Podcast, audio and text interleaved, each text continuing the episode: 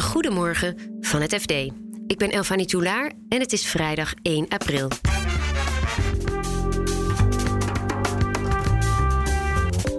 Het is heerlijk om te zaniken over talkshows. Toch blijven we massaal kijken. FD-verslaggever Rob de Lange keek voorbij het gezeur en onderzocht het succes van de Nederlandse praatprogramma's. Die talkshows zijn ook voor omroepen heel interessant om nog te concurreren, bijvoorbeeld met de streamingsdiensten. Dat was voor mij eerlijk gezegd ook nog wel een eye-opener. Hoe moet het Westen omgaan met de Russische aankondiging van de troepenafbouw? Ik vind dat er alle reden is om een ongelovige Thomas te zijn als het gaat om de beloftes van de Russen. En zal de nieuwe topvrouw van de KLM het helemaal anders gaan doen? Dit is de dagkoers van het FD. Dinsdag kondigde Rusland aan de troepenmacht rond Kiev af te bouwen. Dat nieuws leidde tot voorzichtig gejuich. De aandelenmarkten veerden op. Is die vreugde terecht of te vroeg? Algemeen verslaggever Jean Dome vertelt hoe we de Russische woorden moeten wegen. Er, er was een, ging een golfje van, van optimisme eigenlijk. Hè? Niet alleen door de, de beurzen die omhoog gingen, maar ehm, nou, je zag dat uh, ook uh, politici en media dat, dat geluid van de Russen eigenlijk presenteerden als, als goed nieuws. En um, dat verbaasde me eigenlijk wel, omdat als we nou kijken naar het uh, track record van Russische beloften in de afgelopen maanden, dan is het toch alle reden om uh, sceptisch en, en misschien ook wel een beetje cynisch tegenover dit soort toezeggingen te staan.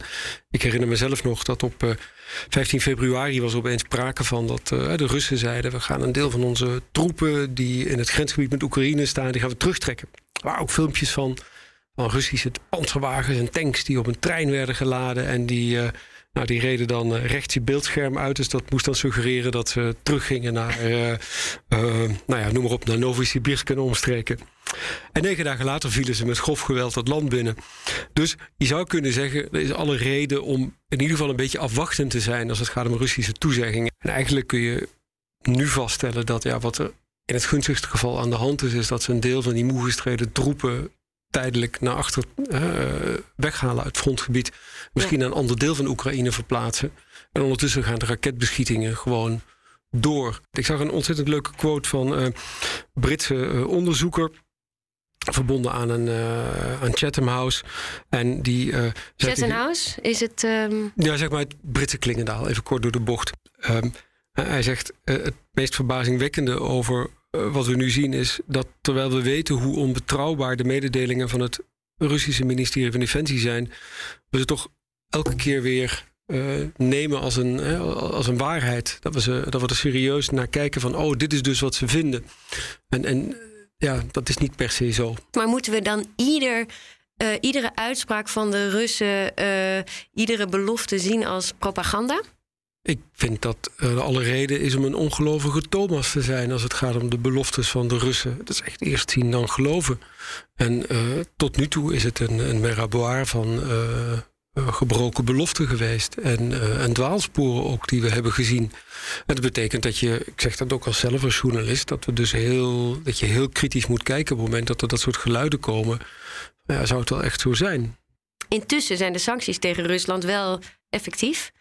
Maar wat kunnen we nog meer doen? Ja, dat is een goede vraag. Je ziet dat Oekraïne ook heel erg aandringt op, die, hè, op, op verdergaande maatregelen. Er wordt ook in Europa, ze gaan er stemmen op om tot een totale gasboycott uh, te besluiten. En je ziet dat de terughoudendheid is daar groot. Ook omdat het uh, hele grote consequenties heeft. En we zijn eigenlijk, dat is de conclusie, we zijn dermate verslaafd aan Russisch gas geraakt. Dat het uh, heel moeilijk is om, om, om daar in één keer van af te kicken. Maar goed, je ziet, de sancties zijn effectief. Uh, die hebben een grote impact op het dagelijks leven van steeds meer Russen. Tegelijkertijd zie je ook dat Rusland probeert, hè, uh, zo goed en zo kwaad dat kan, die gevolgen van die sancties op te vangen. wanneer kunnen we gaan versoepelen als het om die sancties gaat? Nou, daar moet je denk ik dus heel voorzichtig mee zijn. Omdat je niet weet hoe serieus Russische beloftes zijn. Dus voordat je überhaupt in een fase komt dat je kan zeggen van nou, nou er ligt nu een akkoord en dat betekent, hè, want de Russen zullen graag willen dat die westerse sancties worden verminderd, dat die worden afgebouwd. Um, het is denk ik juist belangrijk om die sancties zolang als het kan in stand te laten. Om druk op de ketel te houden. Om ervoor te zorgen dat de Russen hun woord ook niet breken. Wanneer ze dat op een gegeven moment dan echt gegeven hebben. En dat betekent dat je dus niet al te snel kan overgaan tot, tot versoepeling van sancties. Je kan natuurlijk wel, op zich, het zijn knoppen waar je aan kan draaien. Je kan als teken van goede wil op een gegeven moment wel zeggen, nou, doe een beetje vanaf. Maar ik denk dat het belangrijk is dat de Russen ook weten dat je de knop ook weer vol open kan draaien. Op het moment dat ze, zoals in het verleden vaker is gebeurd, misschien toch iets anders doen dan ze hebben gezegd. Uh, je hebt deze week ook uh, hoogleraar Mabubani uit Singapore geïnterviewd. Hij was iets genuanceerder, toch juist, over de onderhandelingen met Rusland? Nou, ik was heel nieuwsgierig. Hoe kijkt nu iemand... Hè? Hij is ook uh, een, periode, begin van de eeuw... voorzitter van de VN-veiligheidsraad geweest. Singaporees diplomaat en wetenschapper. Hoe kijkt, nu, hoe kijkt nu iemand vanuit het Verre Oosten hier tegenaan? Wat zou die ons eigenlijk adviseren? En hij zit heel erg op de lijn. Hij zegt van je moet alles op alles zetten om er wel aan de onderhandelingstafel uit te komen. Je moet gaan praten. Hij zei het belangrijkste doel van het Westen moet zijn om zo snel mogelijk een punt achter dat bloedvergieten te kunnen zetten. En uh, hij is dus ook van mening dat daar eigenlijk niet genoeg aan gebeurt. Hij zei als historici over twintig jaar, dat vroeg ik hem, hoe kijk historici over twintig jaar hierop terug? Hij zegt cynisch, zei hij, uh, waarschijnlijk zullen ze concluderen dat het Westen bereid was om tot, om tot de laatste Oekraïner door te vechten in dit conflict. En hij zei: Ja, dat, uh, je kan je afvragen of dat het belang van de Oekraïners uiteindelijk is. Nederland is rijk aan talkshows. En hoewel er veel over wordt geklaagd, is het succes van de programma's als Op 1, Jinek en Vandaag Inside groot. Redacteur Rob de Lange dook in de wereld van de talkshows. Wat je ziet is dat we wel een hele hoge talkshow dichtheid hebben. En dat vonden, uh, vond ik, en samen met mijn collega Boudewijn Geels, hebben we dat eens in kaart proberen te brengen. En kijk, je kunt zeggen dat het een succes is. Want als je alles bij elkaar optelt en je begint om vijf uur uh, voor de televisie te zitten bij Tijd voor Max en je eindigt bij de laatste zinnen van op één tegen uh, 12 uur, dan kijken er zo'n tussen de 5 en 6 miljoen mensen naar. Dus dat is eigenlijk toch wel opmerkelijk. Jullie hebben ook gekeken naar hoe die talkshows zich uh, hier gepositioneerd zijn ten opzichte van andere landen, Duitsland en de Verenigde Staten. Wat zie je dan? In Amerika is het natuurlijk heel groot. Daar heb je ook hele andere soorten nog wel. Um, maar het verschil bijvoorbeeld met Duitsland is dat in Duitsland ze veel inhoudelijker zijn. En wat je in Duitsland eigenlijk nooit ziet, is wat wij uh, hier veel doen. Dat is dat je bijvoorbeeld de, de minister-president naast een volkszanger zet. Of naast een cabaretier. Ja, dat levert natuurlijk heel verrassende televisie op, kun je zeggen. Het levert vaak ook wel een beetje uh, ja, tenenkrommende televisie op. Dat er een toch bestuurders of CEO's worden geconfronteerd met vragen waarvan je denkt: ja, wat schiet je nou daar als kijker mee op? En ook qua inkomsten zijn ze ja. succesvol? Ja, dan pak ik even mijn blaadje erbij, want ik vergeet ja. die cijfers steeds. We hebben het uh, laten uitrekenen door een, uh, een oud uh, salesdirecteur van de Ster. Hè, dus die de, voor de publieke omroepen de, de reclameblokken doet. En die, die heeft voor ons uitgerekend dat in totaal aan inkomsten gaat het om 50 miljoen per jaar. Voor al die talkshow, talkshows bij elkaar. Maar als je dan per aflevering gaat bekijken, dan uh, zijn de inkomsten voor op 1 zijn 40.000. Uh, 65.000 voor Vandaag Inside, wat vroeger Veronica Inside was. Uh, en 95.000 voor Bo en Jinek. Maar het vertekenen daaraan is ook weer dat uh, op één heeft natuurlijk geen onderbrekingen, omdat het in de publieke, bij de publieke omroep niet mag. Geen onderbrekingen van sterblokken. Dus dat vertekent een beetje. Maar bij elkaar geeft het natuurlijk toch wel aan dat dat stevige inkomsten zijn. En daar hebben ze ook nog, veel van de omroepen hebben dat weten te vergroten door de talkshows iets langer te maken. Vaak zelfs met 25% langere zendtijd. Waardoor ze dus een, niet op die avond ook nog een ander programma hoeven in te plannen. En dat scheelt op jaarbasis natuurlijk wel ongelooflijk veel geld. Ja. Daar komt nog bij dat het natuurlijk heel goedkoop is. Het, is een, het gaat om een tafel met gasten. En, uh, het ene, uh, je hebt een kleine redactie. En uh, ja, de, de, echte kosten die je hebt zijn vaak de presentatoren. Zeker bij de commerciële. Ja, daar wordt altijd veel gezegd. Dat zijn de grootverdieners. Hoe zit het met die redacteuren die het, het echte werk doen? Ja, nou ja, die zit bij Op 1 bijvoorbeeld. Daar wordt wel veel over gemopperd. Dat, dat is een, een, een hele kleine, compacte kernredactie voornamelijk bestaande uit uh, beginnende journalisten, die je dus weinig hoeft te betalen. Maar ja, die hebben natuurlijk ook weinig ervaring. Dus uh, uh, ja, dat, dat doet wel wat aan voor de kwaliteit, denk ik, van de programma's. Ik bedoel, het is toch wat anders of je een, een redacteur hebt die al tiental jaren gewerkt heeft, of, of iemand die net van de school van journalistiek komt. Uh, hoe zien jullie de toekomst, jij en Boudewijn, met wie het uh, nou, artikel schreef? Dat was voor mij eerlijk gezegd ook nog wel een eye-opener. We hebben daar veel uh, deskundigen over gesproken. En ehm, die talkshows zijn ook voor omroepen heel interessant om nog te concurreren, bijvoorbeeld met streamingsdiensten. Want het is live televisie. Dat hebben streamingsdiensten bijna niet.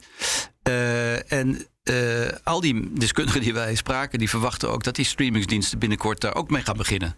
Dus dat ze gewoon dat Netflix uh, zegt van uh, ja, we gaan ook een dagelijkse talkshow beginnen, weliswaar uh, online uitgezonden. En we kopen gewoon een paar sterren weg. En die gaan dat dagelijks voor ons doen. En dat is wel een risico. Of als dat echt aanslaat, dan is dat een lelijke concurrent voor de talkshows in Nederland. Luchtvaartmaatschappij KLM krijgt een nieuwe CEO, Marjan Rintel. Nu nog topvrouw van de NS. De nieuwe CEO wacht een zware taak, zeker na de schade die de coronapandemie heeft aangericht. De benoeming van Rintel kwam voor sommigen als een verrassing, vertelt FD-redacteur luchtvaart Jan Verbeek. Um, ja, ik moet eerlijk zeggen, voor mij kwam het wel als een verrassing. In, in twee opzichten. Ik, vond het, ik vind het feit dat, ze, dat de benoeming nu al rond is, of vrijwel rond is, vind ik echt opmerkelijk. Uh, de tijdspanne die vooraf gegeven was, die was veel langer. Het zal allemaal veel langer gaan duren. Dat, dat is één verrassend element, vind ik. En het andere is dat ze uh, haar kandidatuur toch niet. Zij, zij, kwam niet zo snel voor op de lijstjes van, van mogelijke kandidaten. Pas op de laatste dagen kwam ze daar wel op. Dus dat, dan is het toch verrassend dat zij doorkomt. Uh. Ja, en de ondernemingsraad was ook nogal verbaasd, hè? Ja, die hadden toch echt wel gerekend op een andere kandidaat. Die hadden toch wel gehoopt en misschien ook wel verwacht dat Pieter Bootsma, hè, een, een, echte KLM'er die op, op dit moment bij de holding in uh, Parijs werkt, uh, goed staat aangeschreven ook, veel ervaring, uh, dat, dat die het zal worden. Maar goed, die is niet geworden, dus dat was toch wel nou, een tegenvaller voor de, voor de ondernemingsraad. Ja. Nou goed, uh, Marjan Rintel die, kan zich dan gaan bewijzen. Want wat treft zij aan als zij straks in juli aantreedt bij KLM? Ik, ik, haar geen eh, makkelijke eerste maanden, want de, de, de luchtvaartsector verkeert echt nog in een crisis. Um, ehm, KLM is overladen met, met, met leningen die ze moeten aflossen. Het, personeel um, heeft een behoorlijk salarisoffer gebracht. Kijk, dat zijn toch uh, elementen waardoor de spanning op de organisatie staat en waardoor ze, waar zij toch uh, haar weg in zal moeten vinden. En ja, dat is een, een, een lastige start om, om uh, om, om een van de elementen even te noemen. Die lastige start is meteen een van de redenen dat er misschien binnen de organisatie een beetje wordt getwijfeld hier en daar of zij de meest geknipte kandidaat was voor deze zware functie. Um, er wordt getwijfeld aan of ze wel voldoende ervaring heeft. Ja, ja, ik vind dat eerlijk gezegd niet het sterkste argument van de, de, de mensen die wat sceptisch zijn. Um, er wordt, dan wordt er gezegd van, luister, ze, ze, is zeven, acht jaar uit de sector, hè, want ze, ze komt van de Nederlandse spoorwegen. Daarvoor heeft ze natuurlijk wel 15 jaar bij, in de luchtvaart gewerkt, sterker nog bij KLM. Dus um, die sector is natuurlijk niet ingrijpend veranderd in die periode. Dat is ehm, juist het probleem, toch? Ja, ja, ja, nou ja, goed. Uh, dan zou je kunnen zeggen, ze heeft te weinig ervaring als leidinggevende nou ja, anderhalf jaar leiding geven aan de Nederlandse spoorwegen. Uh, eindverantwoordelijk is toch echt uh, een, een, bijzondere categorie. En dat kan zij, zij kan aantonen dat ze dat anderhalf jaar gedaan heeft. Dus dat, dat vind ik geen gebrek aan ervaring. Nee, duidelijk. Um, het is een publiek geheim dat Pieter Elbers, Rintels voorganger, en Ben Smith, de topman van moedermaatschappij Air France KLM, elkaar niet lagen. Um, wat betekent de benoeming van Marjan Rintel voor de relatie met Parijs, denk je? dat blijft natuurlijk wat gissen. Ik, ik denk wel dat, dat, dat haar sterke punten zijn dat zij wel in staat zal zijn om die brug naar Parijs te slaan. Of die, die, die relatie met Parijs toch anders in te vullen dan dat Pieter Elbers dat deed.